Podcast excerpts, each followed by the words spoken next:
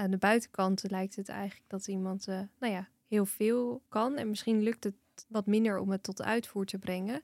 Uh, dus daar is wel soms wat meer hulp bij nodig. Iemand kan bijvoorbeeld wel de opdracht begrijpen, geeft de hond eten. Maar de stappen zetten, het bakje pakken, het eten erin doen uh, en het bakje weer neerzetten, dat is lastiger. Dus daar ga je dan over in gesprek van, hey, begeleid iemand daar nog iets meer mee? Doe het nog even samen. Kan bij kleine kinderen en mm -hmm. voordat iemand dat zelf uh, kan doen. Welkom bij de Pearson Podcast. In deze podcast nemen we je mee in de wereld van diagnostiek en behandeling binnen de geestelijke gezondheidszorg. Ik ben Meerte Wildenbeest, psycholoog en productadviseur bij Pearson en ik interview professionals uit het werkveld om antwoord te geven op vele brandende vragen. Voordat we verder gaan, nog even dit.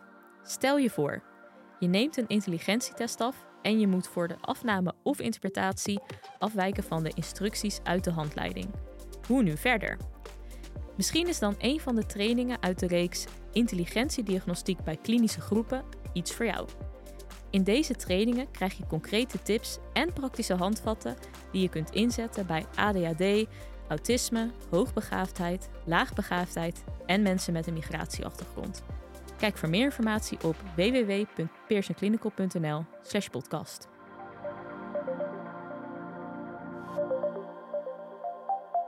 Welkom bij deze podcastaflevering. We gaan deze aflevering de volgende vraag beantwoorden, namelijk hoe interpreteer je een inconsistent IQ-profiel? En uh, daarvoor zit er iemand tegenover mij die deze vraag gaat uh, beantwoorden. Dat is uh, ja, misschien kan je jezelf even voorstellen. Ja, ik ben Bryony Meijer. Ik ben GZ-psycholoog en neuropsycholoog. En ik werk bij GGZ Noord-Holland-Noord voor de divisie Jeugd en Gezin. En daar werk ik op een polykliniek en op een, ja, een jeugdkliniek voor diagnostiekopname. Oké, okay, nou, dankjewel. Ja. Um, en nou ja, volgens mij heb je in je werk best wel veel te maken hè, met de IQ-profielen. Um, dus om maar even met de eerste vraag te beginnen. Ja, wat verstaan we nou eigenlijk onder een inconsistent of disharmonisch profiel? Ja, als we dan kijken naar de WISC-5, eigenlijk de test die nu het meest uh, gebruikt wordt, mm -hmm. kan dat op verschillende nou ja, manieren. Um, de WISC-5 bestaat uit verschillende indexen. Dus je hebt uh, een verbaal begrip, het fluid redeneren, uh, visueel ruimtelijke index, het werkgeheugen en de verwerkingssnelheid. En het kan dus een inconsistent profiel zijn, omdat op deze indexen verschillende scores zijn. Dus dat mm. eigenlijk de indexen niet passen bij elkaar. Dus dat daar wisselend gescoord wordt. Dus dat is één mogelijkheid. Maar het kan ook nog zo zijn dat, dat op zich de indexen over het algemeen wel overeenkomen, maar dat binnen die indexen wisselend gescoord wordt. Dus dat je op verbaal begrip, op, op verschillende testen, verschillend scoort. En dan kan het zijn dus dat het gemiddelde maakt dat het niet verschilt van de andere indexen, maar binnen die index eigenlijk wel wisselend gescoord wordt. Ja, dus zowel op uh, indexniveau als op zeg maar totaal IQ-niveau en de onderliggende uh, componenten daaronder, dat die van elkaar kunnen verschillen. Ja, en op de WISC 5 wordt ook nog gekeken naar de subtesten onderling eigenlijk. Dus is er nou één subtest die bijvoorbeeld heel erg opvalt ten opzichte van de andere subtesten? Oké, en in al die gevallen kan je dus zeggen er is sprake van een disharmonisch uh, of inconsistent profiel. Inconsistent profiel Noem je het inconsistent profiel? Ja, Oké, ja, inconsistent profiel. profiel. Nou, dat is goed om te weten. Dus disharmonisch, dat is eigenlijk iets van vroeger. Ja, omdat we toen eigenlijk maar twee hadden. Hè. We hadden performaal en verbaal. Uh, dus dat kon uit harmonie zijn met elkaar. En nu omdat mm -hmm. we veel verschillende indexen hebben, noemen we het vaak inconsistent. Ah, goed om te weten, ja. Want ja. Ik merk dat ik zelf nog best wel veel praat in disharmonisch. Maar ook krijgen we wel eens vragen binnen van klanten en die hebben het dan ook over disharmonisch. Maar eigenlijk is het dus juist inconsistent. Ja. Ja, goed om te weten. Oké. Okay. Hey, en um, een hele prangende vraag is altijd van ja, mag je nou een bovenliggende index, dus inderdaad de fluid redeneren index bijvoorbeeld, uh, of het uh, eh, mag je dat nog wel interpreteren als um, ja, de onderliggende componenten significant van elkaar verschillen? Dus met andere woorden, als er een inconsistent uh, profiel is. Ja, nou eigenlijk ehm, statistisch gezien is die index wel betrouwbaar, want er wordt heel goed gemeten op die WISC 5. Maar wat natuurlijk belangrijk is voor de cliënt, is dat er wel verschillen in zitten. Dus het mooiste is om het gewoon bij je cliënt te beschrijven. Dus dat je noemt van, nou ja, het is eigenlijk niet het mooiste om die index dan te gaan beschrijven als geheel, omdat er gewoon verschillen in zitten. En ook de TQ, ja, het is wel een betrouwbaar uh, gemeten, mm -hmm. maar eigenlijk zegt het niet zoveel over het kind zelf. Dus wat, je, wat ik vaak zeg is dat het, nou ja, het TQ's wel noemen, maar zeggen dat het niet de beste maat is voor het algeheel functioneren. Omdat er gewoon veel wisselingen in een profiel zitten bij, Mhm. bij die cliënt. Oh, dus dat het mooier is om dan die losse elementen los te gaan beschrijven. En dat beschrijven doe je dan in het verslag of, en, en ook in het adviesgesprek, denk ik, ter bespreking. Ja. Ja. Ja, dus dan beschrijf ik bijvoorbeeld als de index van elkaar verschillen, de indexen los. Eh, ik beschrijf sowieso de indexen los en Ja. of ze consistent of inconsistent zijn. Of ze van elkaar verschillen, maar ook dus binnen de index nog. Of de testen, nou ja, een beetje gelijk scoren of dat daar ook nog wisselingen in zitten. En dan een Mhm. totaalbeeld van, nou ja, wat maakt nou dat, nou ja, dat dit wisselend is? En zijn er misschien bijvoorbeeld de subtests die laag scoren hebben, die een onderling algemeen gedeeld iets, waardoor Mhm. die lager scoren. En met een onderling gedeeld iets bedoel je bijvoorbeeld eh, alle subtests die eh, op een tijdslimiet gaan of zo. Of- Bijvoorbeeld. ja, ja. ja. ja. Of eh, die heel veel aandacht vroegen, waardoor het niet gelukt is. Ja. Of, nou, ja. Ja, oké. Nou, dat is goed om te weten. Want ik, ik weet dat veel mensen dat het al, er altijd mee zitten hè, met die vraag van. eh, en dat ook, ja, dat komt misschien nog een beetje vanuit de WISC 3. Dat dan eh, ja, de consensus was van ja, heb je een. Nou, dan heet het dus nog wel disharmonisch profiel. Dan mag je het totaal IQ niet meer gebruiken en niet meer noemen in het verslag. Maar jij zegt dus eigenlijk van ja, het kan wel, want statistisch gezien is het gewoon wel een betrouwbare score. Maar om echt tot een goed advies te komen en een goed beeld van een kind, zou je dan dus juist ook heel goed moeten kijken naar die onderliggende componenten. ja, Als ik het zo een beetje goed, uh, ja goed zeker. Naar welk profiel Ja. heeft dit kind? En eh. Individueel kijken. Oké, nou dat is hartstikke goed om te weten. Hey, en eh, komt het vaak voor, een disharmonisch profiel? Of eh, sorry, inconsistent profiel? Verspreek me weer. Ja, Inconsistent profiel, ja. eh, ik zie het wel veel, moet ik zeggen. Ja, maar het past Mhm. ook wel bij de populatie misschien die ik zie. Maar ik denk dat over het algemeen iedereen sterke en zwakke kanten heeft, waardoor het ook vaker voorkomt. Mhm. Ja. En wanneer wordt zo'n inconsistent profiel nou relevant? Waar kijk je dan naar? Ja, ik denk dat, dat zo'n IQ-test ook afgenomen wordt met een vraag. Dus wa- Mhm. waarom wordt het IQ eigenlijk afgenomen? Loopt iemand wel eens op school of zijn er thuis veel vragen? Dus dat is ook denk ik goed om te kijken waarom meet je eigenlijk? Mhm. En welke delen van dat CSC-model wil je meten en waarom? En dus welke in het CSC-model zitten verschillende delen.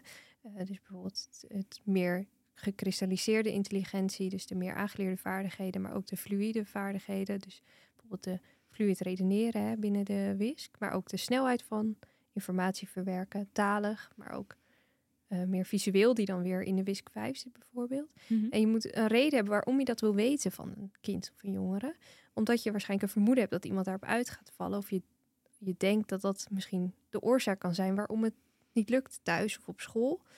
Ehm, dus daar heb je dan een hypothese of een verwachting van. En die ga je toetsen met zo'n afname. Eh, dus als je dan de afname gedaan hebt, eh, kijk je van, hé, hey, klopt dat ook? Klopt het nou dat diegene uitvalt op hetgeen wat ik verwacht heb? Ja. Ehm, en kan ik daaraan handelingsadvies gaan bieden? En kijk je eh, bijvoorbeeld statistisch gezien ook nog wel eens naar de, naar de base rate? Want ik weet dat een eh, ja, inconsistent IQ-profiel, wat jou, ja, bij jouw eh, populatie zal dat wel nog extremer zijn. Maar het komt best wel vaak voor. Volgens mij echt iets van 50% eh, ehm, van de normgroep had een inconsistent profiel. Ja. Ehm, maar kijk je dan ook nog naar de base rate daarvoor van hoe klinisch relevant het dan is? Ja, zeker. Ja, ja, Mhm. je dus kijkt aan de ene kant van wijkt het af, hè? dus eh, meer die statistische significantie, maar aan de andere kant ook naar de base rate van hoe vaak komt dit nou voor? Is het een verschil wat onlogisch is of nou ja, eigenlijk wat best wel veel voorkomt? En bes- dat beschrijf ik dan ook in mijn verslag. Dus bijvoorbeeld, eh, nou, ehm matrix redeneren scoort hoger dan gewichten. Dat is statistisch gezien wijkt dat af, maar het is een verschil dat veel voorkomt binnen deze leeftijdscategorie. Ja, precies. Dus dan zou het Het is geen opmerkelijk. Opmerkelijke afwijking. Nee. Ja, Is daar een bepaalde grens die daarvoor wordt gehanteerd? ja Eh, beneden de 15, vanaf 15 procent. Ja, dan wordt het inderdaad de klinische relevant. Oké, nou, Ja. dat is goed om, eh, goed om te weten. Ehm, ja, en je noemde het net al een beetje hoor, maar ik ben nog benieuwd van, oké, je hebt dan, eh, er komt uit dat er een inconsistent profiel is, misschien zonder dat je het van tevoren had verwacht op basis van de hypothese. Maar wat, op welke manier kan iemand daar hinder van ondervinden in het dagelijks leven? Dat je dus een inconsistent profiel hebt. Ja, dat kan natuurlijk zeker. Je kan me bijvoorbeeld voorstellen dat als je verbaal begrip wat lager is ten opzichte van de rest, en mensen verwachten dat niet, eh, en ze zien dat je heel veel goede vaardigheden hebt, dat ze je kunnen overvragen. Dus, eh, eh, je, dus denken, nou, je, je kan bent snel en je doet heel veel dingen. Uh, je kan goed de oplossing doen. Dat ze heel veel taal ook naar jou toesturen. Terwijl je dat eigenlijk helemaal niet binnen kan krijgen of, en niet terug kan geven. Mhm. En dat kan zorgen voor oplopende frustratie. Ja. En omgekeerd ook, als jij heel goed talig bent, denken mensen zo, die, die heeft, uh, nou, die heeft een woordje wel klaar, Ja, zeg maar. ja. Het komt allemaal binnen. Maar als je het vervolgens niet kan omzetten uh, naar dingen doen, dan, Mhm. dan kan dat ook frustreren. Mhm. Hetzelfde is met snelheid. Als je uh, wel goed kan werken, maar niet op tempo. Uh, en er wordt wel verwacht dat je op tempo kan werken, dan kan je natuurlijk ook heel erg overvraagd worden. Ja. Ja. En je noemt uh, dat dat dan frustrerend kan werken. Kunnen er ook nog ja, ernstigere klachten uit voortkomen? Ja, nou ja, frustratie kan natuurlijk ook tot boosheid leiden, boos gedrag, Mhm. uh, wat, wat heel groot kan worden. En tegelijkertijd, het kan ook tot angst leiden, onzekerheid, perfectionisme.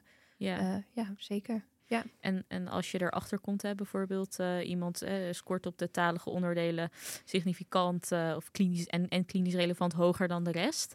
Um, ja, wat voor adviezen geef je zo'n ja, zo'n kind eigenlijk, kind en ouders? Ja, eigenlijk ga je daar ook over in gesprek. Van, nou ja, het, aan de buitenkant lijkt het eigenlijk dat iemand, nou ja, heel veel kan. En misschien lukt het, nou ja, wat minder om het tot uitvoer te brengen. Dus daar is wel soms wat meer hulp bij nodig. Um, dus nou ja, iemand kan bijvoorbeeld wel de opdracht begrijpen, geeft de hond eten, maar de stappen zetten, het bakje pakken, het eten erin doen uh, en het bakje weer neerzetten, dat is lastiger. Dus daar ga je dan over in gesprek van, hey, begeleid iemand daar nog iets meer mee? Doe het nog even samen, kan bij kleine kinderen en mm -hmm. voordat iemand dat zelf uh, kan doen. Dus daar Ja. ga je dan over in gesprek. En misschien wat langer de oude begeleiding of met het kind samen, van waar lopen jullie dan tegenaan? Ja. Ja. en je noemt de uh, hele praktische begeleiding inderdaad bij wat jongere kinderen. Um, hoe zit dat bij ja, jongere adolescenten die wat meer in de middelbare schoolleeftijd zitten? Ik kan me ook voorstellen dat ze misschien ja, niet zo aan het, wachten, ja, aan het wachten zijn op hulp van ouders. Hoe, wat voor ja, adviezen kan je daar dan voor geven? Ja, daar uh, bespreek je meer van, nou ja, dit is onderdeel van jou. Hè? Ja. Uh, hoe zie jij het voor je dat, dat je dit gaat doen? Heb je behoefte aan dat je het misschien wat uitspreekt? Van, nou, ik heb iets meer tijd nodig.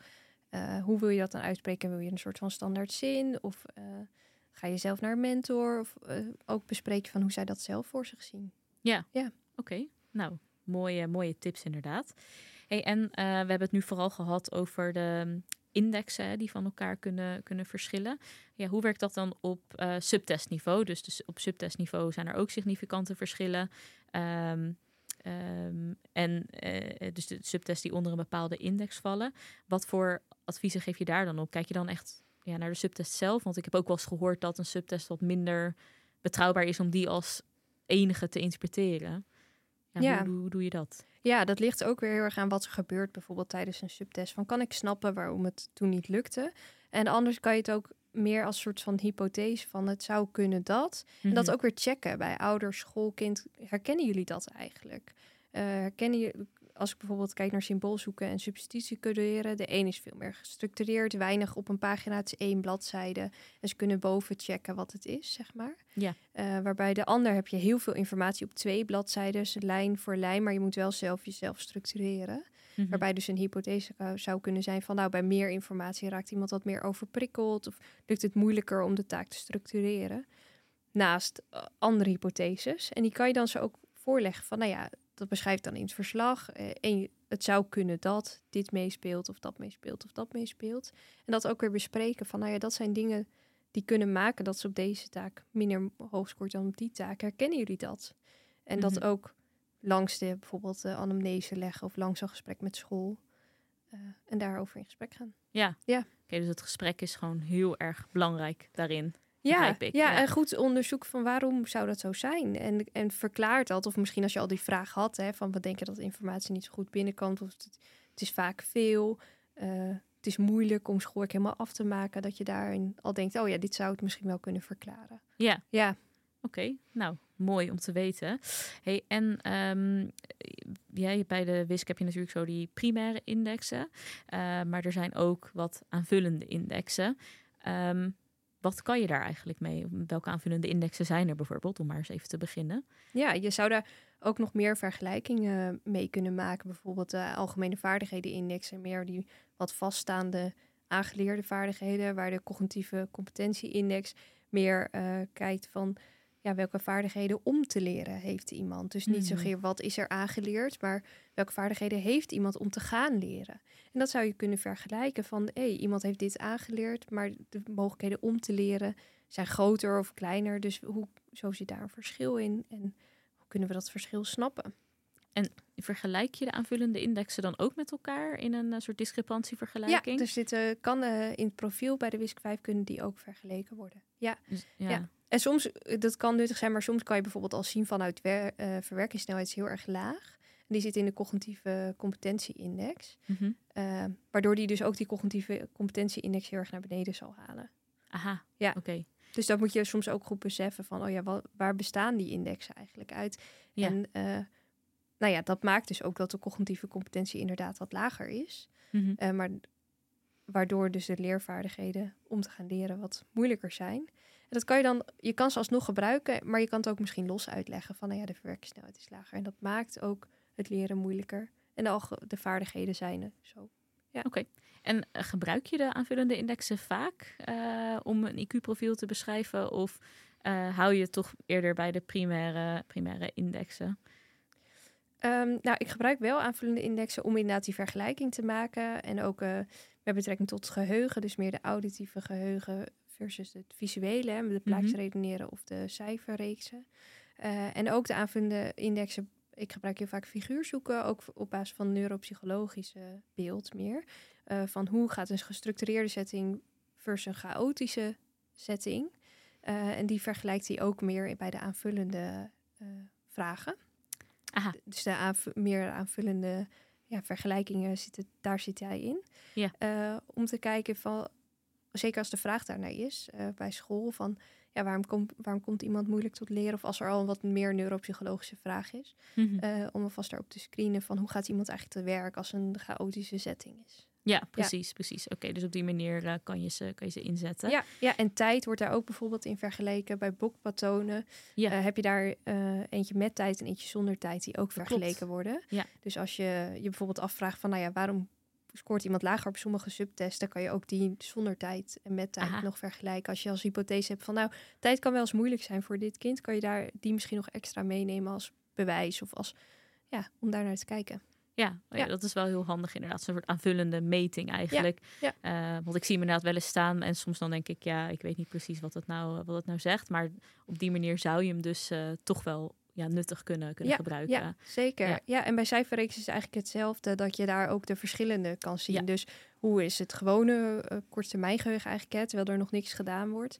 Mhm. Eh, en hoe is het werkgeheugen wanneer er wel wat wordt omgedraaid en er gesorteerd wordt, wat nog iets lastiger is. Ja. Eh, dus waaruit be- bestaat eigenlijk die, die ruwe score of die, die score op cijferreeksen? Mhm. En waar zit dan misschien, als het moeilijk gaat, waar zit dat hem in? Zit het al in het, in het eerste deel, in het gewoon onthouden of ook het bewerken van informatie? En, en nou hebben we het over cijferreeks, wat ik zelf altijd best wel een nare subtest eh, vind. Eh, maar je hebt er nog eentje die ik nog naarder vind. Dat is eh, cijfers letters nazeggen. Ja. Hoe verhouden die twee subtests zich eigenlijk eh, tot, ja, tot elkaar? Ja, het zijn eigenlijk dezelfde subtesten in opbouw. Alleen de ene heeft Mhm. cijfers en de ander heeft cijfers Precies, en ja. letters. Dus hij is wat moeilijker. eh, dat is het. Dus eh, bij jonge kinderen is hij ook nou ja, moeilijker af te nemen, omdat ze ook het alfabet moeten kennen. Ehm, dus, en er wordt extra informatie gevraagd. Dus eh, ze moeten meer switchen ook tussen cijfers en letters. Ja. Wat het taak nog moeilijker maakt en meer van het werkgeheugen gaat vragen ook. En neem je die, want het is een aanvullende subtest geloof Mhm. ik, hè? cijfers, letters nazeggen. Neem je die standaard af? Eh, ik neem die niet standaard af, eh, omdat dat ook een beetje ligt aan de vraag. Van, eh, is er ook een vraag met betrekking tot geheugen, aandacht bijvoorbeeld, omdat je daar ook de aandacht op die geheugentaken vaak wel ziet. Ja. Ehm, dus dat ligt heel erg aan de vraag. Ja, of je die test dan inderdaad... eh, Maar er zijn ook, ik weet bijvoorbeeld Selma de Ruiter, die adviseert altijd om alles af te nemen, omdat je dan een compleet beeld hebt en alles Mhm. goed mee kan nemen. Waar ik meer, nou ja, hypothese en vragen gestuurd de extra testen afneem. Ja. En ik denk, valt voor beide methodes wel wat te zeggen. Want Ja. aan de ene kant, zoveel mogelijk informatie, dat is natuurlijk fijn als je het kind toch voor je hebt. Maar Ja. anderzijds, ja, eh, als je er toch geen vraag bij hebt, waarom zou je hem dan afnemen en Ja. het kind onnodig belasten? Dus, maar goed, eigenlijk kunnen klinici daar dus zelf wel een, eh, een, keuze, ja. een keuze in maken. Ja. Ja. Hey, en eh, die aanvullende indexen, ehm, ja, soms worden die volgens mij ook een beetje genegeerd, heb ik het idee. Um, maar moet je, ja, moet je ze eigenlijk altijd interpreteren, meenemen, beschrijven in het verslag? Of kan je, kan je ook zeggen van nou, ik houd gewoon bij het eerste stukje, de rest interesseert me niet? Uh, of moet je ze ook rapporteren als er wat uitkomt? Hoe, hoe doe jij dat? Ja, ik zou eigenlijk, als je ze laat berekenen, zou ik ze ook uh, beschrijven. Mm -hmm. uh, maar je kan er natuurlijk voor kiezen om ze niet in het rapport op te nemen. Uh, maar dan denk ik wel, ja, wat, wat voor vraag heb je en is het misschien handig om ze wel mee te nemen? Dus daar zou ik wel een gewogen keuze in maken. Ja. ja. Maar jij zegt zelf dus eigenlijk, als je ze hebt, dan wel beschrijven. Ja. Dan komt het eigenlijk wel op neer. Ja, ja. ja. Oké. Okay. Uh, volgens mij zit de tijd er alweer op. Uh, hartstikke bedankt voor, uh, voor al je informatie. ja, blijft altijd een lastig ding, een inconsistent IQ-profiel. Dus ik denk dat mensen hier heel veel aan hebben gehad. Ik heb in ieder geval heel veel geleerd, dus dankjewel. Ja, graag gedaan en jij ook bedankt. Vond je dit een interessante podcast? Volg dan ons kanaal zodat je op de hoogte blijft van nieuwe afleveringen. En deel de podcast gerust met je collega's als je hem interessant vond. Wil je een vraag insturen of jouw feedback met ons delen? Dan kan dat via pearsonclinical.nl/slash podcast. Daarnaast hebben we ook een speciale actie voor onze podcastluisteraars. En deze is te vinden op dezelfde site, dus pearsonclinical.nl/slash podcast. Tot de volgende keer.